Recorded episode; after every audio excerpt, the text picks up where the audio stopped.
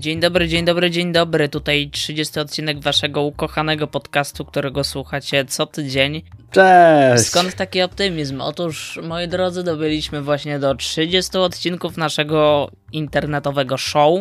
A nadal nie mamy 30 czegokolwiek. Tak.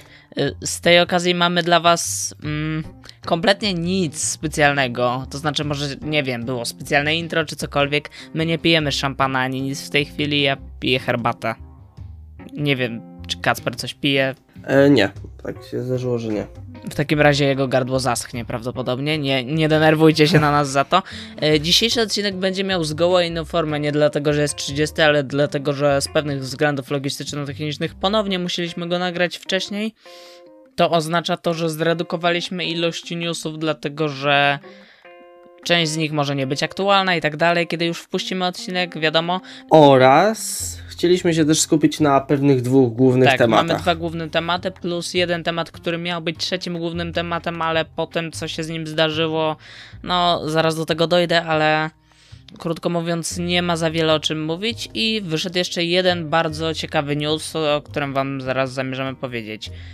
Startując, y, pierwszym tematem, który miał być dosyć długi, ale długie raczej nie będzie, jest to, że odbyła się zapowiadana przez nas i przez cały internet konferencja mm, dotycząca platformy HBO Max na rynku europejskim. Mm, ta konferencja odbyła się w zeszły wtorek, jak tego słuchacie. E, I mieliśmy tam mieć podane jakieś bardziej szczegółowe informacje e, a propos startu HBO Max w Polsce. I nie wiem dlaczego się łudziłem, że tak będzie i na przykład dostaniemy, no nie wiem, cenę abonamentu platformy czy coś takiego. Spoiler, nie dostaliśmy. Właściwie konferencja trwała pół godziny i była tak naprawdę podsumowaniem wszystkich informacji, jakie wychodziły a propos platformy do tej pory. A ze szczegółowych danych podano ceny, ale podano ceny dla regionów, w których platforma startuje w październiku, to znaczy dla Skandynawii i, i bodajże jakiegoś tam jeszcze kraju, dla Polski i innych krajów ceny, jak to ujął miło pan na konferencji, podadzą w terminie późniejszym. Czyli kiedyś tam, nie wiadomo kiedy. Plus jest taki, nie wiem czy kogoś to jara w jakiś sposób, ale yy, określano nas, jak wymieniano jakby a propos krajów, w których coś tam będzie dostępne w ramach platformy, no to wymieniano po kolei kraje, kraje, kraje i na końcu powtarzano yy, i w wielu innych krajach. I w ramach Wow. tych i w wielu innych krajów nie była Polska, tylko Polska była wyszczególniona oddzielnie. Także jeżeli nie wiem, Wow. jakoś, jakoś was to podnieca czy coś, no to, no to proszę bardzo. E, mnie niekoniecznie. Ceny podano, tak jak już mówiłem, dla regionów skandynawskich i tak możemy na jakimś tam, mm, w jakimś stopniu na nich bazować, to znaczy w przeliczeniu na złotówki to wychodzi, e, te ceny to jest coś koło 30-40 zł, mniej więcej. Możemy na tym bazować, no ale nie jest to w żaden sposób jakoś wyznacznik, więc równie dobrze możemy czekać na swoje ceny. No, jedna wielka reklama platformy, zapowiedziano nam masę innych rzeczy, tylko kurczę, jednocześnie wygląda to tak, że mm, większa ilość tych rzeczy, jaką nam tam reklamują, to są rzeczy, które już mamy w ramach HBO Go, więc nie była to za kolorowa reklama jakby, ale y, zapowiedziano parę seriali regionalnych, które wyglądają ciekawie i najciekawsze jest według mnie to, że Warner zapowiedział, że wszystkie jego premiery kinowe, jak już HBO Max do danych krajów wejdzie, y, wszystkie premiery kinowe będą trafiały w ramach abonamentu na platformę po 45 dniach od premiery kinowej, czyli stosunkowo szybko. Hmm. Jest to niewątpliwie plus i z tego co widzę, no to Minus dla kin, ale to tak. no okej, tak, w wielu przypadkach może być to minus dla kin, ale no zobaczymy jak to będzie w praktyce wyglądać. I w sumie to tyle jeśli chodzi o tą platformę, bo myślałem, że będę się o tym rozwodził długo dosyć, ale po tym co pokazano, Nie ma co kiedy po pokazano kompletnie nic, no to nie, nie wiem co mnie pchnęło do tego, żeby myśleć, że to nie będzie korpo bełkot. Nie wiem, jakieś wiesz, chwilowe zaćmienie Nie wiem, umysłu. taka nadzieja może. Pewnie tak, no ale no. Okej, no w późniejszym terminie podadzą ceny i wszystko inne, także jeszcze sobie trochę poczekamy, no. W sumie nie zależało mi bardzo na poznaniu tych cen, tak sobie uświadamiam, więc to tyle. Dobrze, to teraz ja się wepchnę, żeby zrobić profesjonalną przeplatankę. Tak. tak, to ja tylko powiem, że został zaprezentowany tak częściowo, e, głównie wygląd zewnętrzny takiego ciekawego samochodu, e, tutaj przepraszam za akcent niemiecki, Piech One, e, ponieważ, matko, przepraszam, Piech GT. I ja po prostu chciałem tak powiedzieć, wpiszcie sobie, albo linka e, zawrzemy w opisie odcinka, ponieważ naprawdę ładny samochód. Bo to jest taka mega nieznana marka, to jest chyba jej taki pierwszy e, pełnomocny sportowy model, ale naprawdę kurczę ładny samochód. Widać tutaj fajne nawiązanie do samej historii motoryzacji. Na przykład tył według mnie przypomina klasyczne Mustangi, sama linia boczna Ferrari, z przodu mamy grill trochę jak w Astonach Martinach, e, reflektory według mnie inspirowane, proszę, więc naprawdę dla fanów motoryzacji po prostu fajnie do pooglądania, ale jeszcze nie mamy praktycznie żadnych zdjęć wnętrza, bo ogólnie do produkcji ma wejść w 24. Więc tak, zadziwiająco wcześnie dostaliśmy takie zdjęcia. Tak więc tutaj takie krótkie wtrącenie dla różnorodności. Okej, okay, dobra. To przechodząc do kolejnego tematu. Jest to temat, który ukazał się niedawno, bo dla nas jest to informacja taka kompletnie nowa. Jak to nagrywamy w zeszłą środę, jeśli chcecie wiedzieć, została ona ujawniona, wy tego słuchacie w poniedziałek.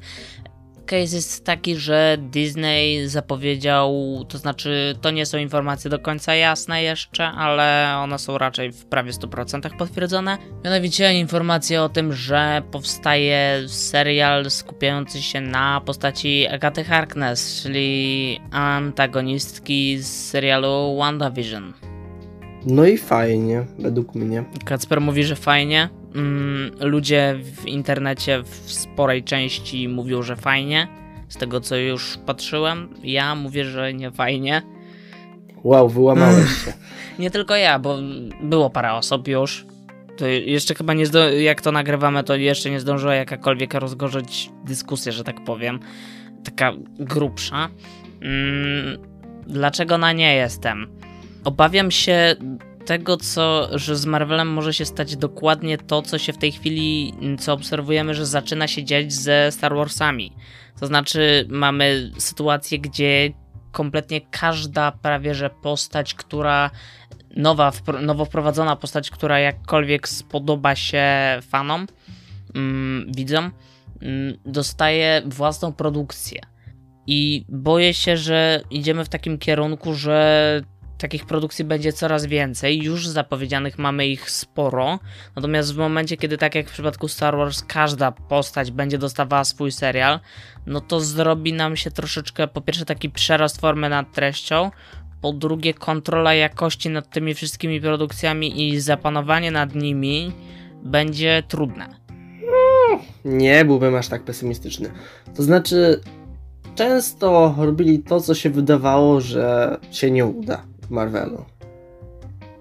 Mhm, okej, okay, ale też często na przykładzie wielu film te, firm teraz widzimy, że tworzą projekty, które wyglądają super, fajnie, a wychodzą źle. Z drugiej strony. Nie mam nic do powiedzenia na takie podejście. Okay, no, jakby no fajnie, że ludzie się jarają, tak? No bo super, że ktoś ma entuzjazm do tego i ja jak najbardziej kibicuję, jeżeli już się na taki krok zdecydowali, żeby tej produkcji poszło jak najlepiej i żeby po prostu była jak najlepiej zrobiona, żeby była po prostu dobra. Natomiast sama idea naprodukowywania takich rzeczy ilościowo w objętościach dużych, no mnie nas, nie, nastraja, nie nastraja mnie optymistycznie. Boję się, że w końcu będziemy mieć sytuację jak z nowymi serialami ze Star Wars, to znaczy Mandalorian oprócz tego, że jest mało odkrywczy, to jest całkiem spoko serial, ale pod koniec niestety staje się banerem reklamowym dla następnych produkcji e, ze świata Star Wars i boję się, że w Marvelu stanie się dokładnie coś identycznego. Każda kolejna produkcja będzie reklamować 10 kolejnych i boję się, że w końcu to do niczego dobrego nie doprowadzi. No dobra, tutaj akurat możesz mieć troszkę racji, zważywszy na to, że tą no, sceną po napisach w Czarnej Wdowie była w pewnym sensie reklama Hokaja. No w pewnym sensie była. Jakby ta reklama tak. na pewną skalę już od dawna siedziała w MCU, te wszystkie napisy, że bohater X powróci w filmie Y. Tylko, że boję się, że stanie się to na o wiele większą skalę. No, tak jak mówię, nie nastraja mnie to optymistycznie. Czy mówię, nigdy jakoś mnie to nie jakoś nie, nie ruszały mnie takie rzeczy, za bardzo mnie to nie obchodziło. No okej, okay, no jakby na razie tego mówię, na taką skalę, o jakiej ja tutaj mówię, to jeszcze tego nie obserwowaliśmy w przypadku tego uniwersum, dlatego też no wstrzymam się z takimi, no najpierw chcę to dostać i zobaczyć, żeby móc w pełni ocenić. Sama idea powstania tego, tak jak mówię, no nie bardzo, ale okej, okay, no róbcie sobie, no wasze pieniądze. Ej, ale to ma być czarna komedia, to ja jestem bardzo za, bo według mnie to dodaje kolejnej różnorodności w samej formie do MCU. Gatunkowej. Eee, tak. No okej, okay, dobra. Mówię, może, nie? Z jakimikolwiek takimi pewnymi werdyktami chcę sobie poczekać jeszcze, bo nie wiem na tą chwilę skoro wyszły dopiero takie pierwsze, że tak powiem, przecieki, to raczej jeszcze długo się nie da. No tak, bo to jest, nie ma tak, za tak, bardzo tak, co bo to jest myśleć. na mega jeżeli jest, no to jest na mega mega wczesnym etapie produkcji, wcześniejszym niż nawet powiedzmy Percy Jackson na przykład. Więc jeszcze sobie poczekamy, także no, nie musisz wrócimy do tego, wrócimy do tego jeszcze i wtedy zobaczymy, jak, jak to będzie wyglądać tak naprawdę. E, przechodząc dalej, no to tak jak mówiłem, zredukowaliśmy newsy, więc do czego przechodzimy w tej chwili? No ja mogę do swojej rzeczy przejść. Rozumiem, dobrze. Dobrze. E, tak, to. Moi drodzy, e, kącik Lego w tym tygodniu jest sequelem e, kącika Lego z zeszłego tygodnia, ponieważ dostaliśmy już oficjalne zdjęcia Titanica i jest już wszystko normalnie, jest na stronie Lego i tak dalej. Można, no jest dostępne to tak od początku. E, jest dostępny na 8 listopada, dla VIP-ów chyba od pierwszego z tego co widzę. E, polska cena to 2799,99 E, a liczba elementów to, tak jak już mówiłem w zeszłym tygodniu, ale powtórzę, dla tych, e, którzy nie wiedzieli, 9090. E, I powiem tak, największym, że tak powiem, zaskoczeniem, plot twistem jest fakt, że uwaga, uwaga, dramatyczne werbelki, jest wnętrze. I to takie, takie naprawdę, takie, takie, takie, że mi się podoba. E, mamy na przykład e, fragment e, tej restauracji, bo ogólnie jest to głównie z tego co wiem na filmie bazowane, więc mamy sypialnię, fragmenty restauracji, łazienkę, kotłownię z działającymi tłochami, które ruszają turbinami. To akurat jest mega fajne taki element techniczny. W ogóle się bałem się, że to będzie taki tylko czysto nudny element wystawowy, a jak widać jest tutaj coś więcej. I no kurczę, w sumie jestem zły, że ten zestaw na mnie urósł, bo bardziej mnie boli to, że i tak go nie kupię przez cenę. E, taka dygresja. Ale jeśli jesteście jakimiś mega fanami Titanica, to naprawdę radzę się zapoznać, bo Wątpię, że jest jakikolwiek bardziej dokładny pod względem tak technicznym i wnętrza i funkcji model, tak nie tylko Lego, tylko po prostu jakikolwiek e, model tego statku. Tylko musicie uważać, ponieważ no potrzebujecie dużo miejsca e, na półkach, i dużo na pieniędzy albo półkach. Tak, to, to, o tym już mówiłem, a co do miejsca, to zestaw ma wymiary 135 cm długości. Tak, czyli dużo miejsca. A, okej, okay. a, a wiadomo co z tą górą lodową? Yy, chyba to był e, Photoshop, na który się naiwnie dałem nabrać. Okej, okay. jeśli nie rozumiecie w tej chwili o co chodzi z górą lodową i tak jak my nie wiecie dokąd płynął Titanic, no to um, zapraszamy do poprzedniego odcinka, autopromocja. Nieprawda, ja wiedziałem, ty nie wiedziałeś, ja bardzo dobrze wiedziałem. Ja, ja jestem wyedukowanym człowiekiem. tak. Więc tutaj chyba na dzisiaj to tyle z kącika Lego. Będę informował w przyszłych tygodniach na bieżąco, co na przykład z domem Kevina, na który zestaw czekam jeszcze bardziej. No i co? To tyle. Oddaję głos mojemu współrozmówcy. Mhm, okej. Okay. E, jakby tak jak mówiłem z newsów czysto popkulturowych to w sumie tyle, więc nie, nie wiem do czego mamy teraz przejść. Czy najpierw poruszamy temat, y, na który będziemy dyskutować, czy twój monolog, który... No to już pójdę w mój monolog wspaniały. Dobrze, no to yy, uwaga, uwaga, moi drodzy, Kacper był na nowym Bondzie, tak? tak? Z lekkim poślizgiem, bo nie miałem czasu, ale już byłem, tak? I powiem tak od czego by tu zacząć? Od razu e, powiem na początku, e, zanim przejdę do takiego spoilerowego omówienia z wrażeniami, bo po prostu wydaje mi się, że żeby to zrozumieć, co teraz chcę powiedzieć i ewentualnie podyskutować w komentarzach, no po prostu no będę mówił o, o ważnych wydarzeniach z filmu, nie tylko z tego, ogólnie z całej serii. Tutaj tak dla ostrzeżenia. Ale zanim do tego przejdę, to dla tych, którzy się zastanawiają, czy pójść, jeżeli, jeżeli jesteście fanami Bonda, to na pewno. Jeżeli nie jesteście fanami Bonda, a macie jakiś długi, wolny wieczór, to według mnie też warto. To ja. Po prostu jest to tak. Jeżeli masz wolny wieczór, to, to, jest kluczowe. Czy masz Muszę wolny. zadać sobie takie Ale pytanie. tak. Takie powiedziałbym ambitniejsze kino akcji, tak? Tak jak zawsze było, że no akcja, ale też trochę tam jest czegoś więcej. I tak, nie wiem w sumie czego zacząć. Od samej strony wizualnej jest naprawdę fajnie.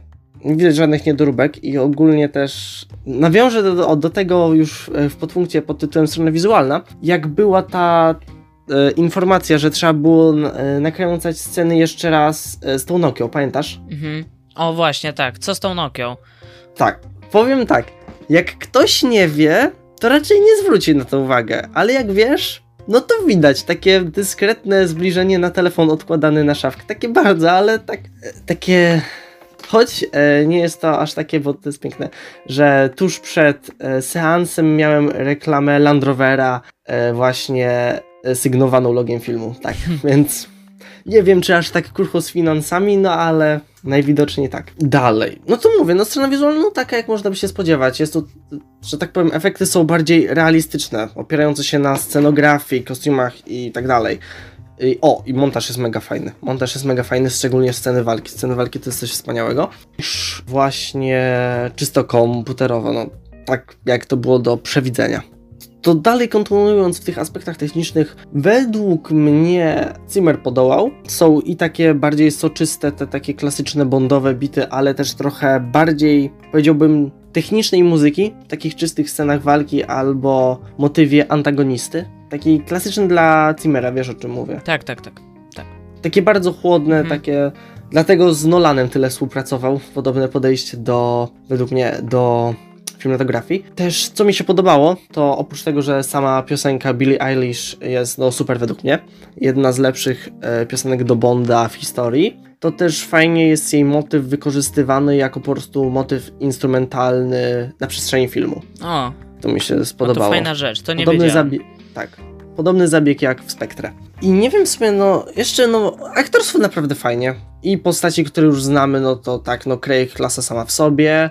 Nowe postaci, ok, choć mam wrażenie, że Pamela chyba się nazywała Anny de Armas, lepiej wypadła niż e, teoretycznie następca 007. To znaczy, jak on poszedł na emeryturę, to po prostu jego nu, jego kod był już dostępny po prostu, więc e, nowy agent go otrzymał. Jest to oczywiście czarnoskóra kobieta, bo jak żeby inaczej, ale e, nie skupiając się za bardzo na tym, to przyznam się, płakałem na końcu, bo jakoś zawsze czułem się zżyty z Bondem, a jeszcze teraz po odświeżeniu tych e, wszystkich części, to kurczę, to jest postać dramatyczna i wiem, że ludzie nie lubią Spektra. Tutaj nie będzie już tylko o tym filmie, ale też będzie, będzie dużo o. Ale ja po prostu naprawdę lubię Spektrę i o ile to może być lepszy film niż Spektrze tak po prostu dla bycia filmem, to mam wrażenie, że Spektrę było lepszym zakończeniem. Po prostu łączyło wszystkie wątki z poprzednich filmów, Casino Royale, Quantum of Solace, Skyfall i wszystko się łączyło w taką fajną całość i według mnie też zakończenie było fajne, takie e, no jeżeli tu jesteście ciągle, no to oglądaliście, albo jesteście jak Krzysztof, który po prostu musi tego słuchać, to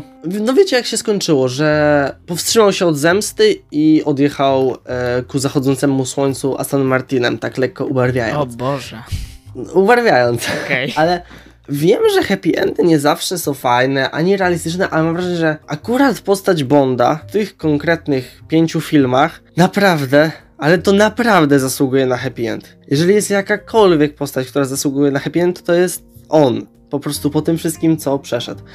A tutaj mamy nagle wzięcie tego. Okazuje się, że nie, nie można jednak mieć spokojnej emerytury.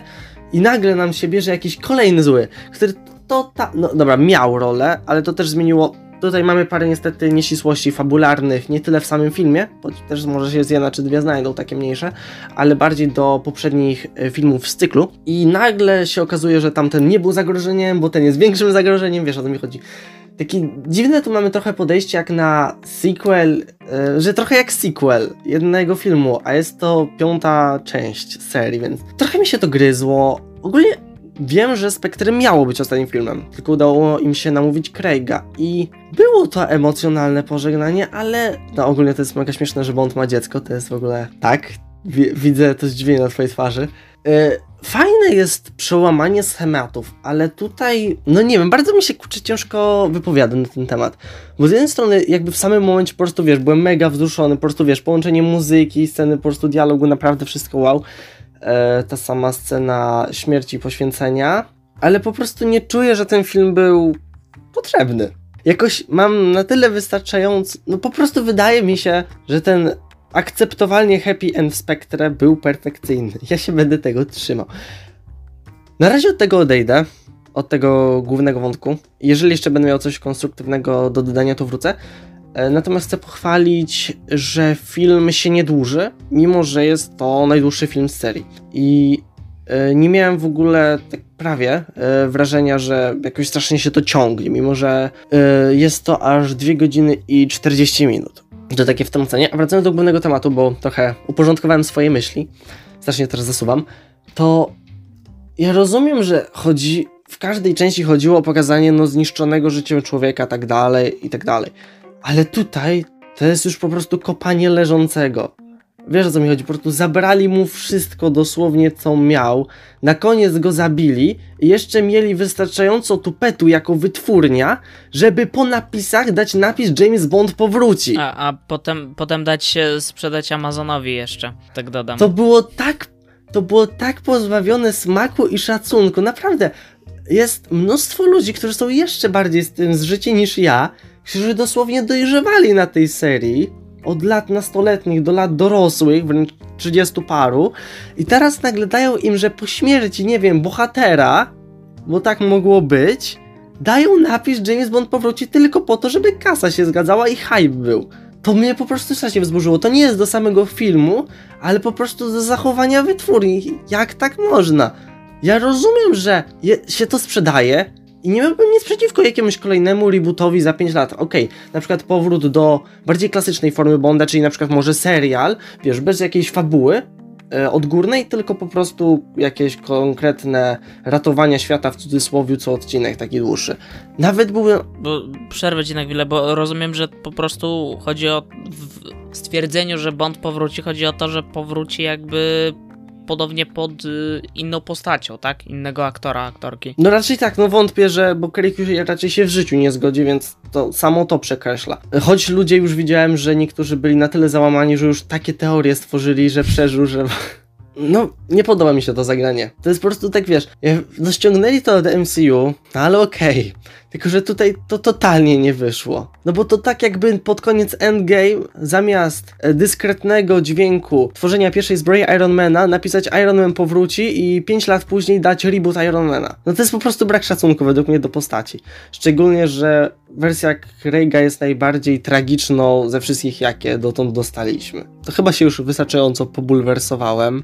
Znaczy mam wrażenie, że zawsze tak jest, jak są takie smutne zakończenia po czymś, co już nie miało być zakończeniem, że jest smutno, jest w sumie trochę za bardzo smutno, bo jak kończy się seria jakimś niedopowiedzeniem, to zawsze każdy coś może sobie dodać. A jak kończy się tak jednoznacznie, no nie wiem, oraz też według mnie to też pokazuje trochę brak kreatywności, że musieli zabić postać, żeby w końcu zakończyć jej historię. Takie leniwe według mnie. Ostatecznie po wielu wahaniach, hmm, 7,5 albo 8. Mhm. Z takim złamanym serduszkiem, bo z jednej strony serduszko, ale z drugiej strony złamane. Dobra. Nie wiem, tutaj się waham. To jak o tym wspomniałeś, to jestem ciekawy, jak się kończą jakby te poprzednie serie w ramach Bonda. Jak się kończyły mm, filmy o Bondach Connerego, Pierce'a Brosmana i tak dalej. Raczej mam wrażenie, że w żaden konkretny sposób. Okej. Po prostu nadchodziła, jak, nadchodziła jakby zmiana aktora. Nie wiem. Więc tak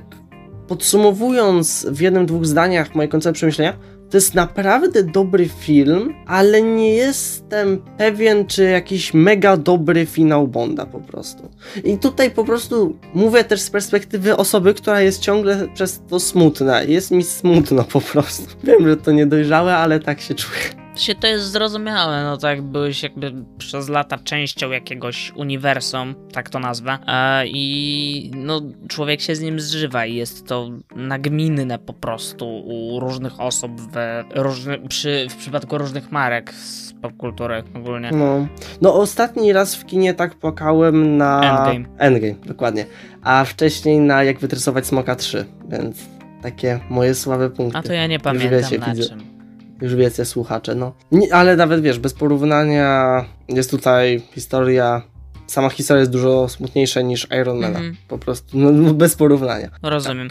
Skończyłem E, raczej. To ja, ja, żeby coś powiedzieć, to dodam w sumie trochę takiego swojego backgroundu, jak tego tutaj słucham. Dlatego, że ja jestem osobą, która z Bondów oglądała tego, tylko tego pierwszego, pierwszego Bonda, tego z Seanem Connerem, doktora No bodajże. I to był jedyny Bond, jakiego ja widziałem. Wrażenia średnie, ale nie o tym w ogóle, bo e, No wiesz, lata 60., no, tak. Jakby nie do końca o to chodzi, tak, ale yy, i teraz ja przez pewne zbiegi wydarzeń wybieram, jak tego odcinka już będziecie słuchać, to ja już będę po seansie tego Bonda, ale się na niego wybieram po prostu i, i nie oglądawszy praktycznie żadnych Bondów wcześniej, żadnego z tym Craigiem i też czas mi nie pozwoli na to, żeby obejrzeć jakiegoś z Craigiem, nawet właśnie Spectra, y, przed y, najnowszym Bondem.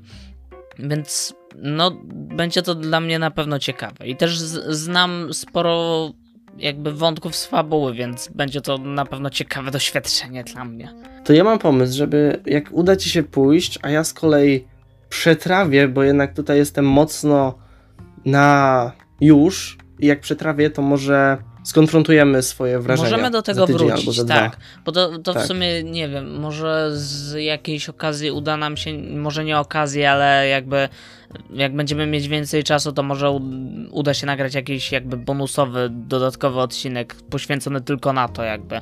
I tak, i to może być dobry pomysł faktycznie. Dobrze, to mam, mam propozycję, żebyś ty teraz trochę po, że tak powiem, był głównym głosem w naszym następnym temacie, a ja będę takim trochę z boku, ponieważ już się bardzo nagadałem. Okej, chociaż yy, no musimy jakoś przejść w dyskusję, no bo inaczej nie będzie miało to większego sensu. Nie, no tak, oczywiście. E, tydzień temu What If się skończyło, to znaczy najnowszy serial z MCU na Disney Plus. To znaczy wczoraj, a nawet dla słuchaczy nie tydzień temu.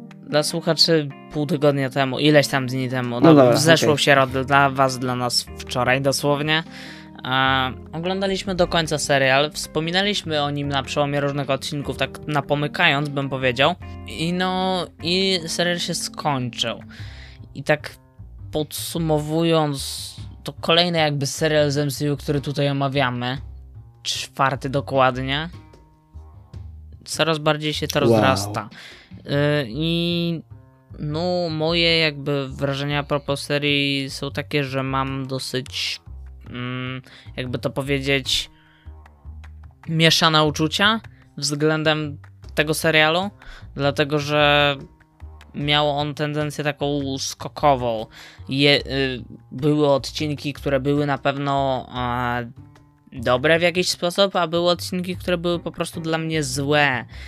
Tylko, że przez całość trwania tego serialu miałem troszeczkę wrażenie, że równie dobrze y, do tego ostatniego odcinka, czy też powiedzmy przedostatniego, miałem wrażenie, że na spokojnie mógłby być on antologią.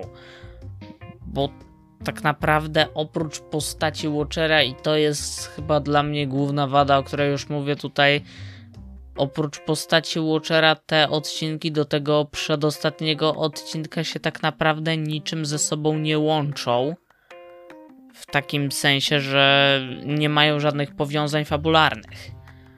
Mam wrażenie, że każdy spodziewał się czegoś takiego, takiego czysto teoretycznego podchodzenia do różnych tematów, że nikt się nie spodziewał, że to jest taki kanon, taki bardzo kanoniczny kanon. Dopiero finał Lokiego podsunął coś takiego, że to się dzieje tak na serio, że tak powiem. Mhm. No tylko, że tak, no tylko było to jakby określone jako kanon od pewnego czasu już, że łączy się to z kanonem MCU i też było określone jako rzecz spójna fabularnie, a ja tej spójności fabularnej w ogóle nie mam, przez co to, że ta sugestia, że e, odcinki będą się jakoś ze sobą głębiej łączyć, pojawia się dopiero w przedostatnim odcinku.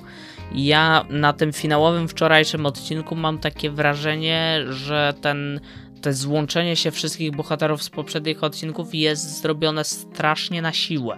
Ja tak to odbieram po prostu. Znaczy, tutaj muszę dodać, że wynika to obstawiam i też jest to potwierdzone przez członków ekipy mocno z koronawirusa, bo e, podobno to obcięło e, metraż odcinków oraz też no tam z jeden miał być po prostu więcej odcinków w sezonie na przykład ta Gamora w finale. Ona wzięła się znikąd, a przecież nawet y, był zestaw Lego nawiązujący do tego Ironmana z Sakar. Mm-hmm. Czyli prawie na pewno miał być po prostu o tym odcinek. Okej. Okay. W sensie jest to jakieś tam wyjaśnienie, tylko że jednocześnie no co COVID, COVID jakby spowodował, że nie dało się tych odcinków ze sobą zacząć łączyć jakoś wcześniej, żeby one były jednak spójną układanką, bo nie wiem jak dla ciebie, dla mnie nie są.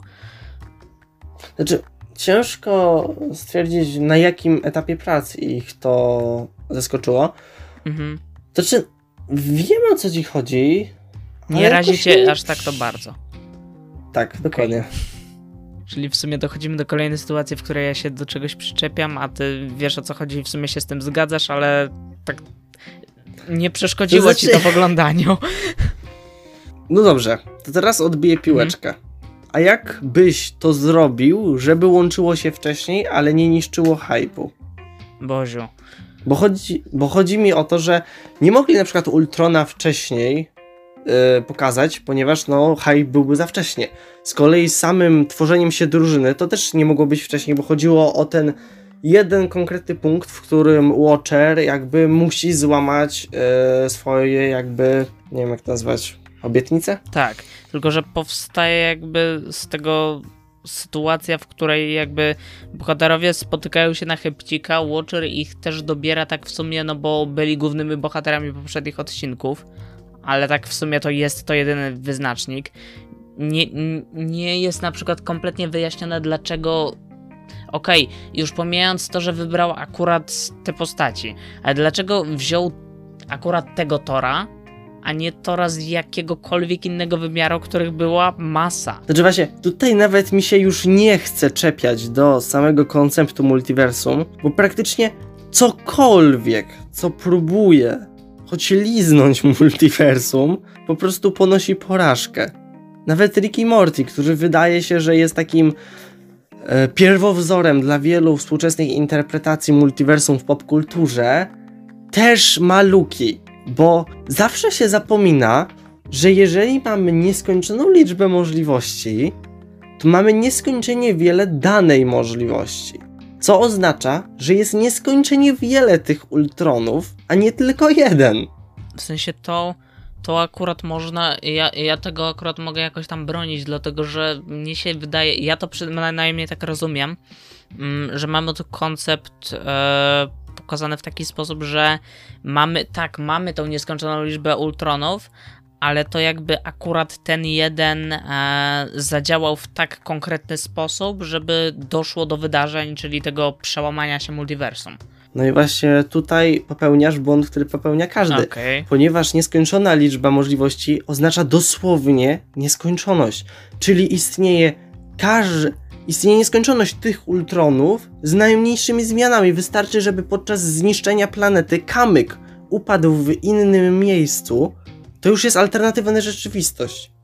Ale prowadzi do tego samego rezultatu. Tak samo niemożliwe jest, żeby jeden Watcher widział wszystko, a jednocześnie skoro ym, on działa na różnych jakby też przestrzeniach czasowych, bo trzeba zauważyć, że różne odcinki są z różnych momentów to czemu na przykład nie mógł po prostu przyjść zanim Ultron wygrał? Ty, ale to yy, równie dobrze moglibyśmy stwierdzić sobie, że yy, w sumie mamy też nieskończoną liczbę Watcherów. I jakby, no właśnie, i to, tylko właśnie i tutaj, i... i tutaj dochodzimy do tego problemu, że skoro jest on istotą poza, ale jest tylko jeden, a jeden, jakakolwiek policzalna liczba, nigdy nie jest w stanie ogarnąć nieskończonej Ale liczby. to też może nam jakby tłumaczyć ten cały koncept, bo to może nam. Mm, tylko oni pewnie to tego, nawet tego nie zasugerowali, ale można to interpretować sobie tak, że to jakby ta sytuacja cała z Watcherem i tak dalej, to i Watcher, jeżeli Watcher jest tak jak interpretujemy sobie jednym z wielu, wielu watcherów, nieskończonej liczby watcherów, to mamy jakby, obserwujemy tylko jakiś wycinek sytuacji i w setkach innych rzeczywistości Ultron wygrał jednak i zniszczył inne części multiversum, to nie ma sensu za bardzo.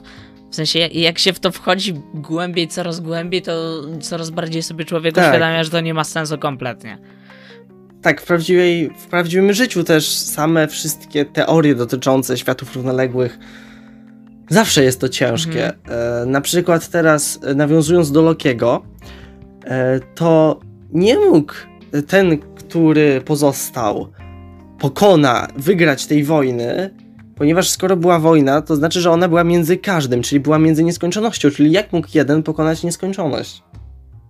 Jedyne wyjaśnienie, co się takie akceptowalne, może być takie, że właśnie ze względu na tą nieskończoną liczbę możliwości, to pokonanie Ultrona było takim małym, jednorazowym epizodem, a dopiero w dwójce Strange'a pokaże się, że nie da się uniknąć właśnie tej wo wojny międzywymiarowej, e, właśnie o której była mowa w TVA, ponieważ po prostu, no, jak mamy nieskończoną liczbę możliwości, to zawsze musi się coś stać, że ktoś przełamie tą barierę no i rozpęta taką wojnę. Mhm.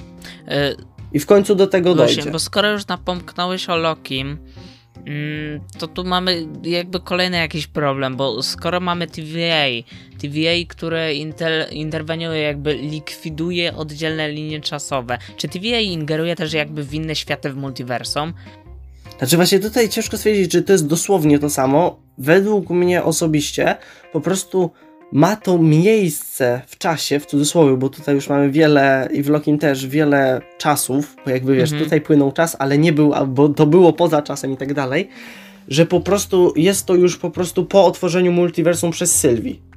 I mamy teraz tą pustkę, w której nie ma TVA. Mhm, Okej, okay. no bo... Nie wiem na ile mam rację, zostanie to rozwinięte w No nie wiadomo, jakby mamy dwie siły, obie jakby TVA jest określona jako ta organizacja poza czasem, a Watcher jest określona jako ta osoba poza wymiarami jakby.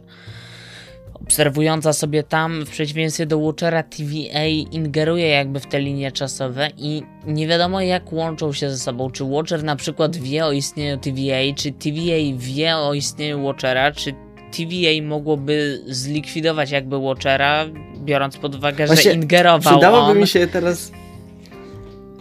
Przydałaby mi się kartka papieru, żeby mógł wyjaśnić, jak ja to rozumiem. Może coś naszkicuję i potem ci wyślę. Mhm. Możemy nawet to na miniaturkę dać. Mhm. Bo ja to widzę tak, że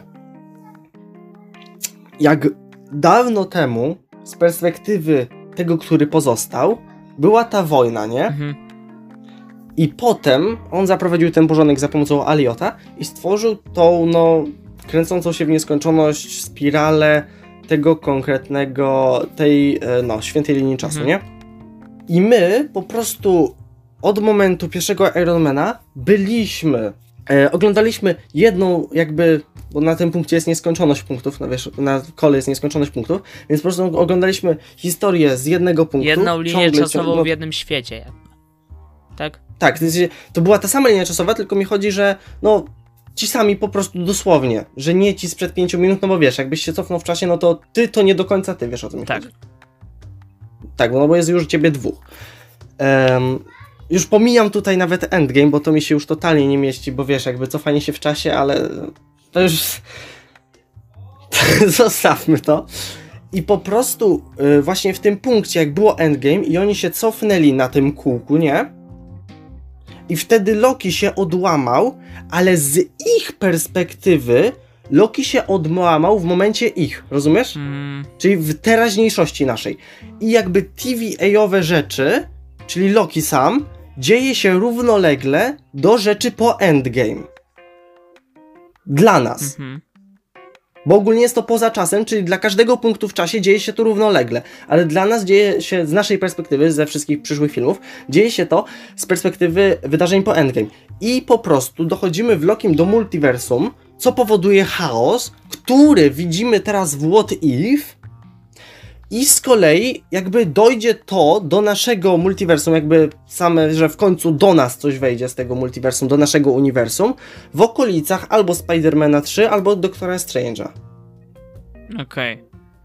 Tylko, że dochodzi jeszcze do tego to, że w Spider-Manie widzimy jakby coś takiego, że to wygląda na to, że to Strange z Parkerem otworzyli sobie multiversum na Ziemię. Tak to tam na razie po Właśnie to jest dziwne. wygląda. Mam wrażenie, że to może być coś na zasadzie, że właśnie już istniało multiversum, które zostało otworzone przez Sylvie i teraz eksplorowane przez What If i po prostu, yy, no, Strange otworzył połączenie z naszą konkretną Mm. uniwersum. Kurczę. Zobaczymy, jak to, się To, rozwinie. to mi jakby Tutaj troszeczkę udowadnia coś takiego, że oni porwali się z motyką na słońce, to znaczy oni jakby Zawsze jak poruszane są właśnie te tematy, to jest porywanie z motyką na słońce. No. Chyba, że właśnie mamy Ricka i Mortiego, w których mamy chaotyczne przygody i nikt nie wie, kto jest kim, czy to jest ten Morty, czy to jest klon i tak dalej, bo wtedy jakby można po prostu obracać to w żart, jeżeli nie ma takiej fabuły odgórnej. No tak, tylko Ale tutaj może być Właśnie, ciężej. Bo tutaj oni widać, że będą w następnych produkcjach jakoś ten koncept tego multiversum brnąć i brnąć coraz dalej. Tak E, samo, na przykład jeszcze Ant-Man, jak będzie trzeci. To gdzie no, jeszcze jest wymiar ja, kwantowy w ja tym jakby wszystkim? się boję, że w pewnym momencie znaczna większość ludzi zacznie dostrzegać, jak bardzo jest tam nagromadzenie błędów logiczno jakichkolwiek. Tak. Bo na razie nie jest to tak powszechne, bo jeszcze tak naprawdę nikt tego konceptu nie rozumie do końca. A w momencie, kiedy zaczniemy rozumieć, to nadal nie będziemy go rozumieć, tylko zrozumiemy, że jest on bez sensu.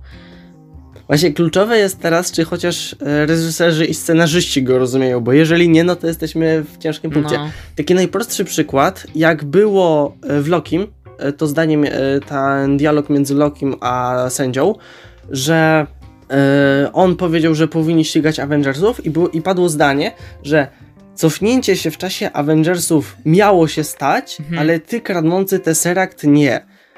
Tylko, to że też jest naciągane gdyby oni się nie w ogóle. cof- no właśnie, bo gdyby oni się nie cofnęli, to on by nie wziął tego Tesseractu. Z kolei, gdyby go nie wziął, to oni by się nie cof... No, Stark by się nie cofnął e, z Kapitanem Ameryką do wiesz, Mhm. tego no. To plus pomijając to, że to jest dawanie fory Avengersom, a z, Hmm. zrzucanie Lokiemu na głowę jakiejś tony rzeczy za nic. No. Tak. Mam nadzieję, że jakoś z tego wybrną. Mam wrażenie, że powinniśmy też skończyć tą filozoficzną dysputę, bo chyba do niczego... No jakby E, nie ja dojdziemy. tylko na tą chwilę jakby nie wiem co oni chcą zrobić, żeby z tego wybrnąć. W sensie, no bo już nie, może, nie mogą teraz nagle stwierdzić, że multiversum jest jednym wielkim fejkiem, no bo nie jest. What If to udowadnia No i. Loki to udowadnia w jakimś tam stopniu.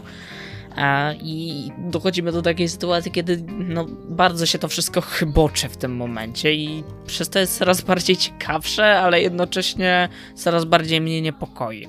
Ciężko utrzymać ten taki dobry ton, żeby to się jeszcze jakokolwiek trzymało. Niestety tak.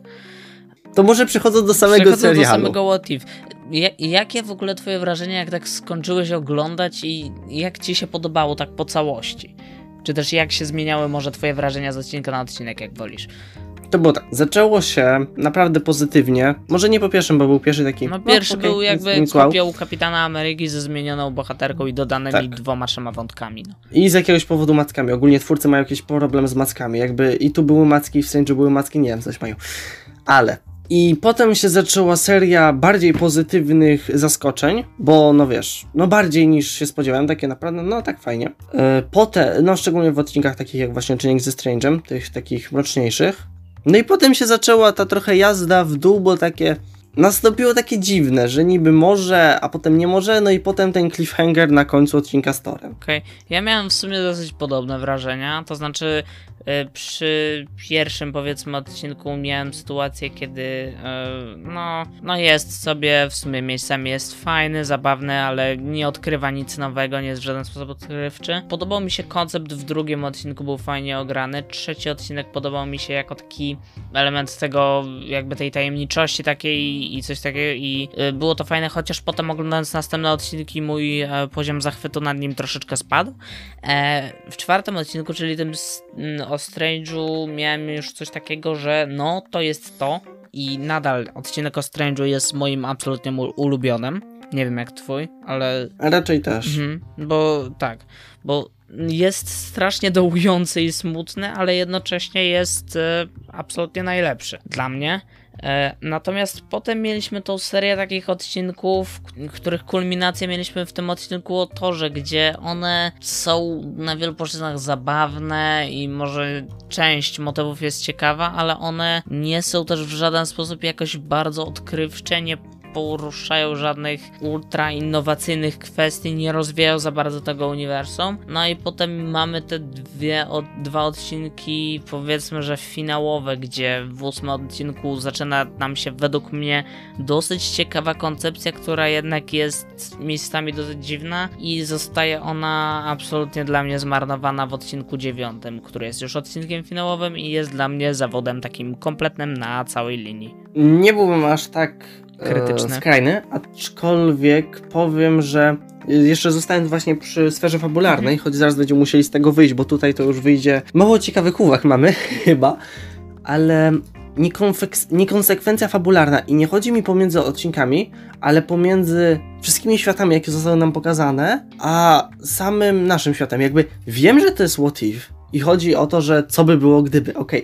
Tylko nie można tego używać jako pretekstu do wyjaśnienia wszystkiego, bo chodzi o to, żeby pokazać, jak małe zmiany wpływają na cały rozwój wydarzeń, ale zakłada to, według mnie, że to jest jedyna zmiana, a nie same zmiany w fundamentalnej strukturze świata. A tutaj najlepszy przykład, czyli e, Ultron w ciele Visiona, nagle pokonujący wszystkich Avengersów, takich jak Hulk czy Thor, a potem przecinający Thanosa na pół laserem. No bardzo mi przykro, no ale sam reżyser Endgame powiedział, że skóra Thanosa jest wystarczająco gruba, że nie, jest nie ma pewności, czy zamknięcie portalu teleportacyjnego, wiesz, od mhm. Strange'a, mhm. byłoby w stanie go skrzywdzić. A tutaj po prostu poszedł laseryk i nagle go przecięli jak masło. Mm, ale to w ogóle jeszcze, be, jeszcze będę do tego wracał w kontekście animacji.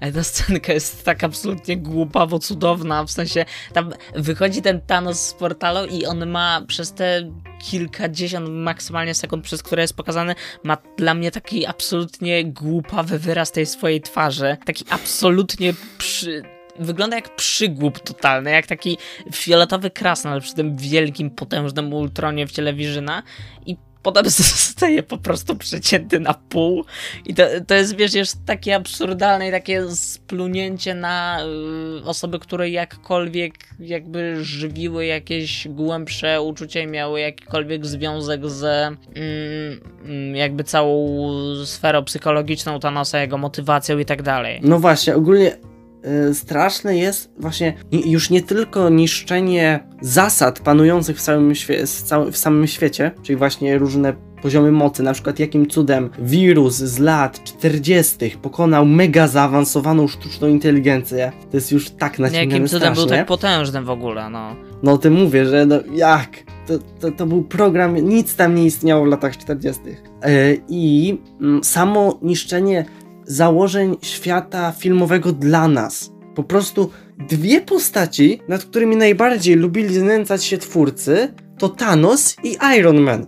Czyli dwie polarne przeciwieństwa, które były punktem kulminacyjnym 11 lat filmów. A oni wzięli i sobie robili z nich żarty na...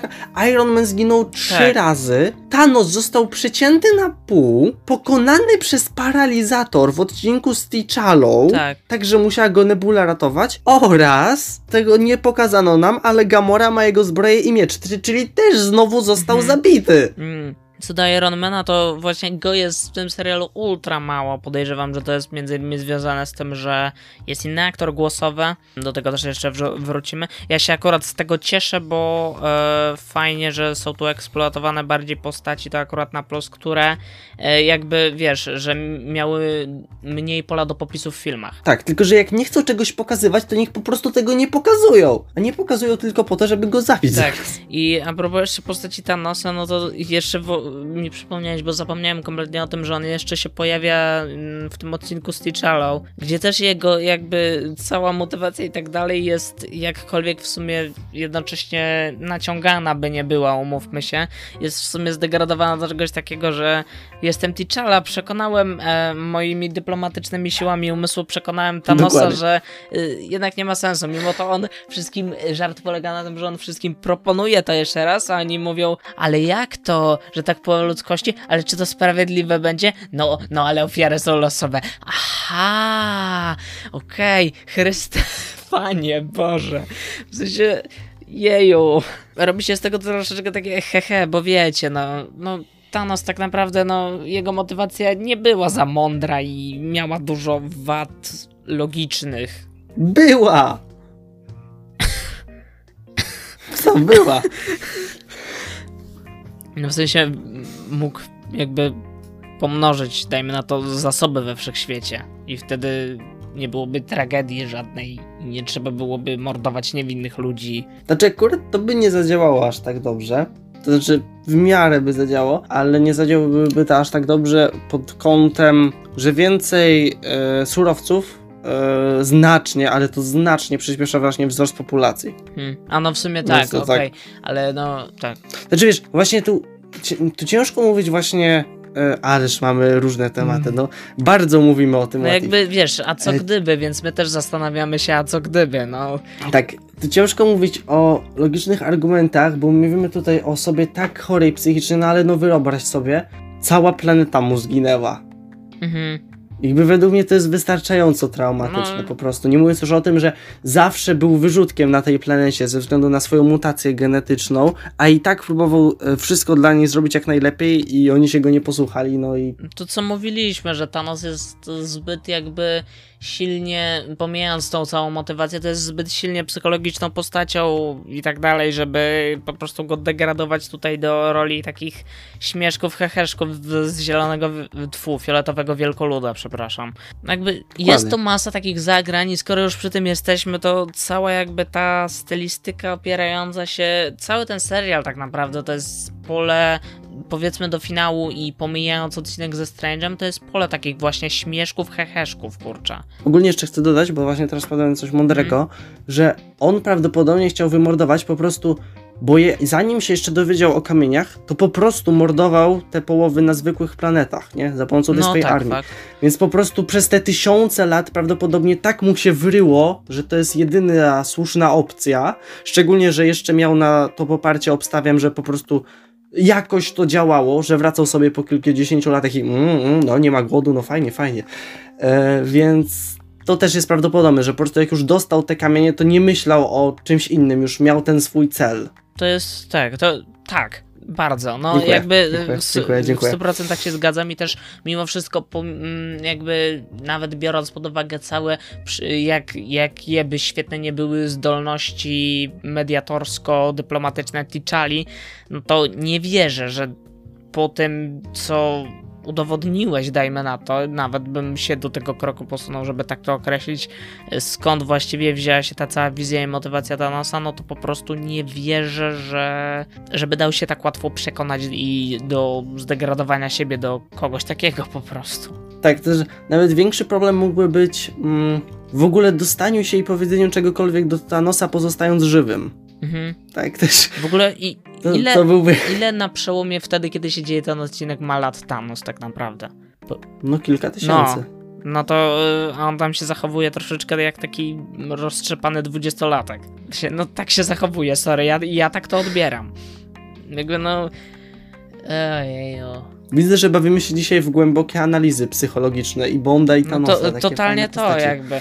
I właśnie to, o czym zacząłem mówić w kontekście tego, no to cało to, że ta konstrukcja do pewnego momentu to, że rozumiem tą koncepcję i jest ona utrzymana właśnie w tej formie takich śmieszków, heheszków, w sumie trochę ze wszystkiego, że nie bierze niczego na poważnie i jest dla mnie zrozumiała. Tylko, że potem wali nam się odcinek ze Strange'em, jakkolwiek by nie był dobry, który od tej stylistyki odbiega tak w opór totalnie, a potem nagle do tej stylistyki wracamy, szczególnie widać to w odcinku o Torze, a w finale co, mamy coś takie nie wiadomo co na pograniczu, nie, nie umiem tego tam określić to troszeczkę. Ja myślę, że to jest po prostu konsekwencja tego, że z tego co słyszałem przy tworzeniu tego serialu, mm, twórcom dało się bardzo wolną rękę i duże pole do popisu, w takim sensie, że oni nie byli za bardzo kontrolowani przez producentów z Marvela i Disneya i to tutaj. A może trzeba i to było, właśnie tutaj widać.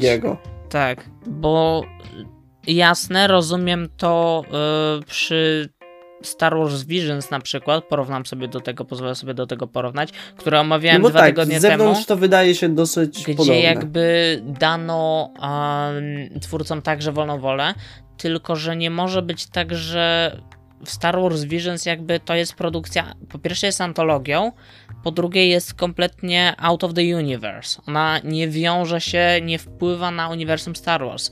What If to jest produkcja, która już wpływa i będzie z czasem musiała jakoś wpływać na mm, resztę świata z MCU. Także dawanie aż takiej wolnej woli twórcom w tym przypadku jest dla mnie krokiem niesłusznym.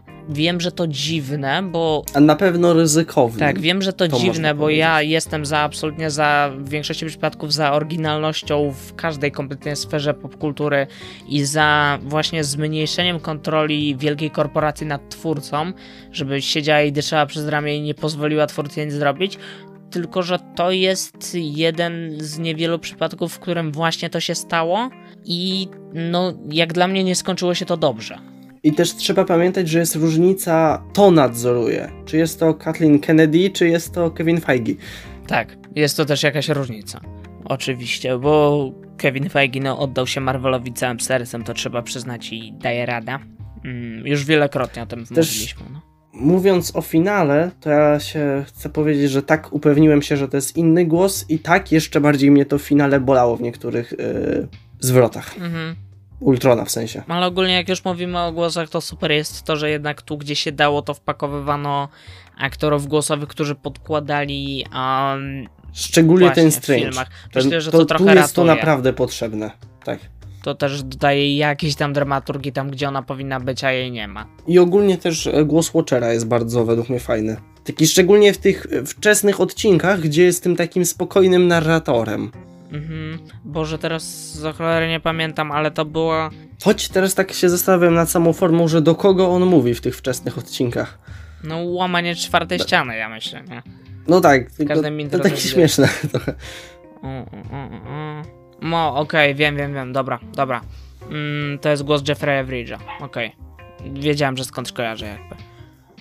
To jest aktor, który bodajże będzie grał kapitana Gordona w nowym mm, tym Batmanie. O, Chyba tak kojarzę. Grał też kogoś w Bondzie, tak by the way, tym nowym. czekaj. Mam teorię, ale muszę się Mm, uzupełnić. Może Kontynuuj. mogę ci odczytać nazwisko postaci, ale nie będę wiedział. Okej. E, Felix Leader. Tak, dokładnie, tak Okej, myślałem. Dobra. Jest to przyjaciel Bonda z CIA z kolei, y, od Ameryki Mhm. on jest. Okej. I umarł niestety, to była bardzo smutna scena. Bo już od Casino Royale się pojawiał. Zastanawiam się coraz bardziej, po co ja idę na ten film. Dobra. Mm, Żeby popatrzeć, jak umierają marzenia e, całego pokolenia w jednym coś w filmie. tym jest. Polecam. Marze, marzenia, w którym nie brałem udziału. E, Na czym skończyliśmy? W kontekście What If? Bo E, o głosach o mówiliśmy. głosach. No i tak jak mówiłem, no to to właśnie dodaje tam, gdzie powinno, plusuje to, że te głosy są wykorzystane. Szkoda, że nie udało się wszystkich, ale na przykład No, ale Cieszy no, mnie, że na przykład z, wyrobili się z Chevickiem Bozemanem, mimo przykrych okoliczności, jakie zaszły. Wiadomo, że były pewne komplikacje związane z postacią Black Widow czy Ironmana, ale tam, gdzie się dało, zrobili co się da i tu szacun. I dobrze, to teraz ciągle będąc w tematyce technicznej e, i też w porównaniu do filmów, czyli sama animacja. Mhm. Z twarzami jest problem, Oj tak, tak, To tak, widać. Tak. natomiast na obronę naprawdę zrobili wszystko, żeby miało to swój styl, ale jednocześnie jednak było no, jak najbardziej możliwie podobne do właśnie postaci filmowych i to się udało. Tutaj e, to podobieństwo jest i według mnie to pomaga też w odbiorze. Mhm. E, tak jak mówiłem wielokrotnie, e, już kilka razy dobre dla mnie e, ta animacja nie jest jakby satysfakcjonująca, choć rozumiem skąd się wzięła ta taka technika dosyć e, surowa, tak jak już to kiedyś nazwałem. Mm, Yy, właśnie tak, że tutaj w teorii nie chodziło o animację, tylko o fabułę, o Tak. które, nad którą już się poznęcaliśmy, więc teraz e, animacji teraz Mhm. trzeba się poznęcać Tak, no, też. jakby mm, na przestrzeni odcinków to ci mówiłem prywatnie, że ta animacja no, mnie nie satysfakcjonuje. Po obejrzeniu całości mam uczucia takie, bym powiedział, mieszane. To znaczy, są sceny, odcinki i etapy, w których ona kompletnie mi nie przeszkadza i jest git. Znaczy, właśnie to jest mega specyficzne, bo dosłownie w tej samej postaci, w teoretycznie podobnej rzeczy, tutaj e, czytaj Magia Strange'a, niektóre wyglądają niesamowicie. Na przykład w finale, jak e, walczył z tymi, no, tą pochłoniętą mocą. To było po prostu wow. A z drugiej strony, czasami jak tworzył te swoje zaklęcia kółkowe, to wyglądało to wręcz tanio. Tak strasznie dwuwymi- dwuwymiarowo. Właśnie się zastanawiam, czy to też ma związek z pandemią, że nie zdążyli jakoś tego dopracowywać, czy po prostu taki był plan w tych momentach akurat. Ale co do samej animacji, to nie jest to plus samej animacji, w sensie też trochę, y, ale tego, że to co dała animacja, a mianowicie możliwość zrobienia tak epickich scen walki. No to na pewno. Sceny walki są po prostu wspaniałe na przestrzeni. Są takie artystyczne, takie kliszowe, takie często wręcz jak po prostu obrazki z komiksów. Nie, to jest piękne. W ogóle tak przed paroma minutami dosłownie mi się, jak zaczęliśmy mówić o tej animacji, to mi się zaczęła nagle kojarzyć, że w sumie w niektórych komiksach Marvela, na tyle na ile je widziałem, no to ta animacja jakoś przypomina kreskę niektórych twórców. Jestem Mm. ciekawy, czy właśnie niektórzy twórcy komiksowi od Marvela z tych nowszych komiksów brali jakoś udział przy mm, tworzeniu animacji. Możliwe, choć bardziej bym strzelał w jakieś lekką inspirację. Pewnie tak. Takiego. E, jak dla mnie, jak tak na to patrzę, to bardziej o wiele podobają mi się różne mm, plenery, tła, niż sama Tak, tekstura postaci. Takie właśnie wręcz obrazy, że po prostu na to patrzeć, ale lepiej, żeby nic się nie poruszało, bo Tak, wtedy już nie tak. wychodzi tak, ładnie. Wygląda jak, wiesz, taka mm, epicka grafika Bo komputerowa po prostu. Tak, bo poszczególne po prostu sceny są po prostu takie, że wiesz, wydrukować i na plakat. Dokładnie to. I jest ich bardzo dużo, ale nie wszystkie takie Tak, są. natomiast sama tekstura postaci na tych etapach, kiedy mówiłem, że mam tendencję taką, że w niektórych momentach drażni mnie ta animacja bardzo, a, a w niektórych w ogóle, no to y, właśnie tekstura postaci jest tym elementem, który drażni mnie najbardziej i najczęściej. Znaczy wiesz, na przykład e, zbliżenie na twarze postaci podczas rozmów. To jest tak... To jest oddzielny temat, no bo twarze postaci to e, kompletnie, bo No ciężkie to było, bo musieli naśladować mimikę aktorów. No właśnie, ale ja w tych twarzach kompletnie nie widzę absolutnie żadnej mimiki. Tam oczy nie wyrażają żadnych emocji, a usta poruszają się tak, no poruszają Znaczy się. parę było wyjątków. Mam wrażenie, że to zależy mocno od... No było parę takich, Okej. że było. Według mnie to widać. Na przykład Peggy Carter. Jakoś mam wrażenie, że tam to czułem. A widzisz, a ja mam totalnie odwrotnie, bo Peggy akurat jest tą postacią, która u mnie najbardziej po prostu nie widzę po niej kompletnie żadnych emocji. Podobnie mam z T'Challą, natomiast te emocje, tylko teraz oczywiście nie wiem, ale te emocje, które u mnie jakby do mnie najbardziej wi- widoczne były, to były emocje Strange'a, już tego przemienionego, szczególnie z tego odcinku właśnie o Strange'u. Tak, Strange też. E, Strange też. I właśnie nie wiem, czy to zależy od tego, że faktycznie tak było. Jakby faktycznie było Mam to wrażenie, takie? że mocno też y, głos Cumberbatcha to na pewno i zastanawiam się, czy wtedy też właśnie wyzwalanie całych emocji od strony wizualno-muzycznej powiedzmy, że to, że ten odcinek miał być taki emocjonalny pchnęło mnie do tego, żeby twierdzić, że postać też te emocje tam wyraża, tej animacji. Nie wiem, no tak jak mówię, nie, nie da się raczej tego już teraz stwierdzić za bardzo, można mieć przypuszczenia, bo głos Cumberbatcha jak najbardziej świetny, no ale wiadomo. Tak. W ogóle jeśli chodzi o już takie konkretne motywy w animacji, to fajnie się dla mnie sprawdza ta cała tekstura tych, jak Watcher obserwuje te wieloświaty wszystkie i tam się, jak potem Ultron przebija się przez te jakby powiedzmy lustra, które są jednocześnie portalami Tak. światów. Ogólnie, już mówiąc o scenach walki, wszystkie były wow, ale ta scena walki... No tak, To to, był to, był ten moment z tego dwuodcinkowego powiedzmy finału, tak to zbiorczo będę traktował, w którym jeszcze, jeszcze byłem zadowolony z tego. Znaczy akurat co do scen walki, to też w samym finale trzymały poziom. Inna kwestia, że trochę za łatwo pokonali Ultrona, no. To już tak, na marginesie. No, ale to do finału możemy jeszcze potem wrócić, ale jeszcze już jak mówiłem o konstrukcji, to jeszcze fajnie w animacji sprawdza się ten cały motyw, że w każdym odcinku mamy jakoś ukrytego tego Watchera w tle. To Tak. jest fantastyczne. I to było fajnie fajnie subtelne, a potem już coraz bardziej było to widoczne, trochę według mnie to magii może zabierało. Ale to też jest e, akurat jeden z tych motywów, które ja akceptuję pod tym względem, że je rozumiem, bo myślę, że chodziło po prostu o to, że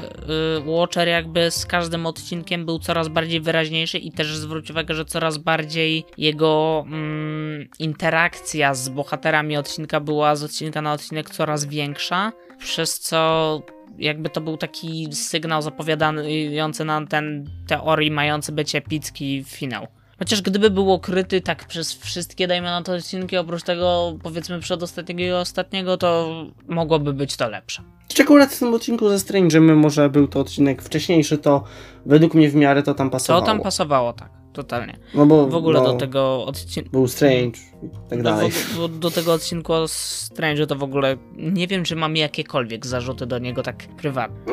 Coś by się może Pewnie tak, na, na pewno jakby się bardziej poszperało. Znaczy coś się zawsze No znajduje. na pewno, ale ja mam też takie tendencje teraz do oceniania troszeczkę każdego odcinka z osobna, oddzielnie, właśnie przez to, o czym już mówiłem i co krytykowałem, to znaczy to, że odcinki za bardzo się ze sobą nie łączą, przez co troszeczkę można je na pewnym etapie traktować jak taką antologię do pewnego momentu i no i tak to działa i dlatego mam teraz tendencję do oceniania ich trochę oddzielnie. Tak.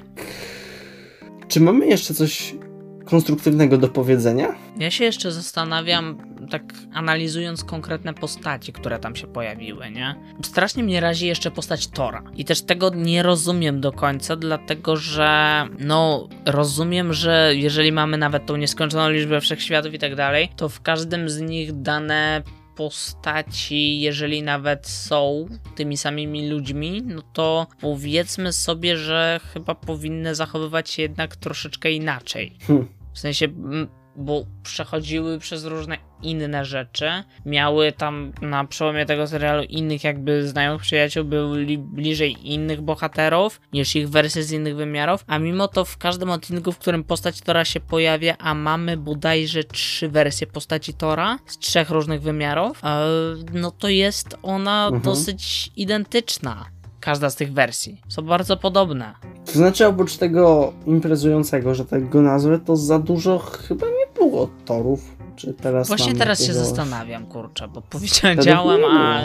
Bo mieliśmy tego, który był na 30 sekund zanim został zestrzelony przez Hawkeye'a. A, Tak. I on tam no tylko i wywijał za tymi dużo włosami w postaci to on ci tam nie pokazał, wiesz?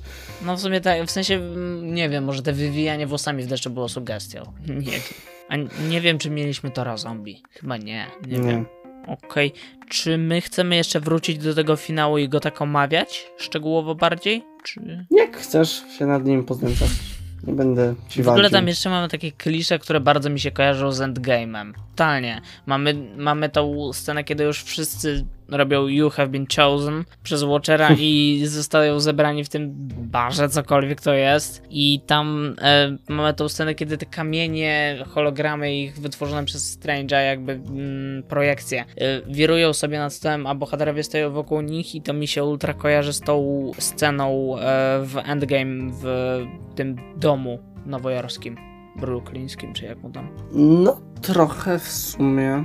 Jakby tam jest wiele takich scenek, które by przeanalizować byłyby takim, nie wiem, czy mrugnięciem okiem intencjonalnym do osób, że patrzcie, podobne coś było w Endgame i cała struktura tego mi się mega z Endgame kojarzy.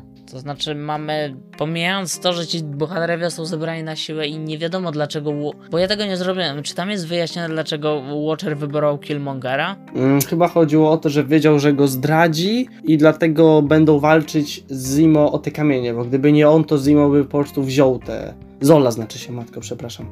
E, Armin Zola by po prostu wziął te kamienie. A tak to był ten właśnie konflikt pomiędzy nim, tak mi się I też wydaje. jakby Zo- Zola przez to został unicestwiony? To znaczy, no zostali przecież oboje zamknięci w tym A, kółku, faktycznie. W, tym, tej Dobra. kulce, w tej kulce dla chomika. Mhm, okej. No dobra, to ma sens, dobra. Bo y, nie, musiałem tego jakoś nie wywnioskować i to mi się nie złożyło po prostu. No mówiliśmy już o tym, że dobór tych postaci jest naciągany, dlatego że nieskończona liczba wymiarów i tak dalej. Analizowanie tego w tym momencie chyba nie ma sensu większego. No serial dla mnie bardzo nierówny, już tak podsumowując w sumie, bo skończyły mi się przemyślenia chyba. Mówię, są odcinki dobre, są odcinki kiepskie. nie podoba mi się to, że ten finał jakby jako taki jakby jakiekolwiek złączenie z nim reszty odcinków jest na chybcika troszeczkę zrobione. To całe zebranie drużyny. Ty idziesz, ty idziesz, ty idziesz i walczcie dla mnie z potężnym syntezoido programorobotem, czymkolwiek tam był Ultron w końcu. Yy, pomijając błędy logiczne w tym finale, typu, że yy, Ultron zauważa po jakimś ultra długim czasie, że brakuje mu w tej zbroi tego jednego kamienia. I nie pamiętam już którego, ale no, jakby jest programem. On nie myśli jak człowiek. On jest y, wysoką, zaawansowaną sztuczną inteligencją i nie zauważy, że jakby w zbroi bezpośrednio połączonej z jego ciałem brakuje mu jednego z najważniejszych komponentów, że tak określę te kamienie. To jest akurat, to jest mega śmieszne akurat według mnie, że z jednej strony w końcu zrobili Ultrona jako takie zagrożenie, ale z drugiej strony w sumie jednak nie zrobili go jako takie zagrożenie. No bo heheszki wzięły górę. No niestety. A, lepkie palce, haha, Jondo tak mówi, haha, ha, ha, ha. Tak, no, podsumowałem. Tak, po, podsumowanie. To nie wiem. Chyba nie ma co się już znętać, bo trochę się mam wrażenie wypaliliśmy Myślę, że nie. Ja po prostu myślę, że mogło być lepiej i mm, nie wykorzystać. Ale było i tak, mam wrażenie, że teraz miałeś większe właśnie oczekiwania po tych pierwszych odcinkach, bo mam wrażenie, że i tak było lepiej niż ktokolwiek przed samym serialem Wiesz, myślą. Też mi się wydaje, że miałem troszeczkę, zawyżyły mi się oczekiwania na przełomie któregoś odcinka. Ja praktycznie nie miałem oczekiwań, więc to jest ta różnica. No widzisz, to, to też może wynikać z tego coś i też może, może to się wiązać pewnie z tym, że mamy troszeczkę różne podejścia w niektórych aspektach do całego uniwersum Marvela. No to co? So, to był 30 odcinek naszego podcastu. Okrągła liczba, 30 odcinków za nami. Jak się z tym czujesz? E, no tak, dosyć ciekawie, choć e, owoce naszej pracy niestety nie zostały docenione. Tak, bardzo się staramy. Czekamy nadal. Ale... E, ja tylko mam jedno ogłoszenie, m, mm, dlatego że Kilka razy wspominaliśmy o tym, że na Spotify'u nie ma czegoś takiego jak sekcja komentarzy. Otóż ostatnimi czasy, kiedy wyrzuciłem ostatni odcinek, coś takiego się jakby pojawiło. To znaczy nie działa to dokładnie jak sekcja komentarzy. Bardziej działa tak, że jak publikuję odcinek na hostingu, to mogę na Spotify udostępnić pod odcinkiem coś takiego w formie pytania i na te pytanie jakby możecie na Spotify pod odcinkiem odpowiadać jako słuchacze, więc jeżeli z jakiegoś powodu nie chcieliście komentować na YouTubie, no to pod tym odcinkiem na Spotify też prawdopodobnie udostępnimy Wam taką możliwość, żebyście tam mogli skomentować w formie odpowiedzi na pytanie, dajmy na to, ale, yy, ale i dajmy, że jest to forma komentarza. Będziemy bardzo wdzięczni, jeżeli coś takiego zrobicie. A poza tym co? Wpadajcie na wszystkie platformy podcastowe, czy też na tą, na której nas lubicie słuchać. Subskrybujcie nasz kanał na YouTube, polubcie fanpage na Facebooku, jeśli jeszcze tego nie zrobiliście. Tam udostępniamy na bieżąco wszelkie aktualności związane z naszą działalnością. No i co? Do zobaczenia za tydzień, moi drodzy. Do usłyszenia. Cześć.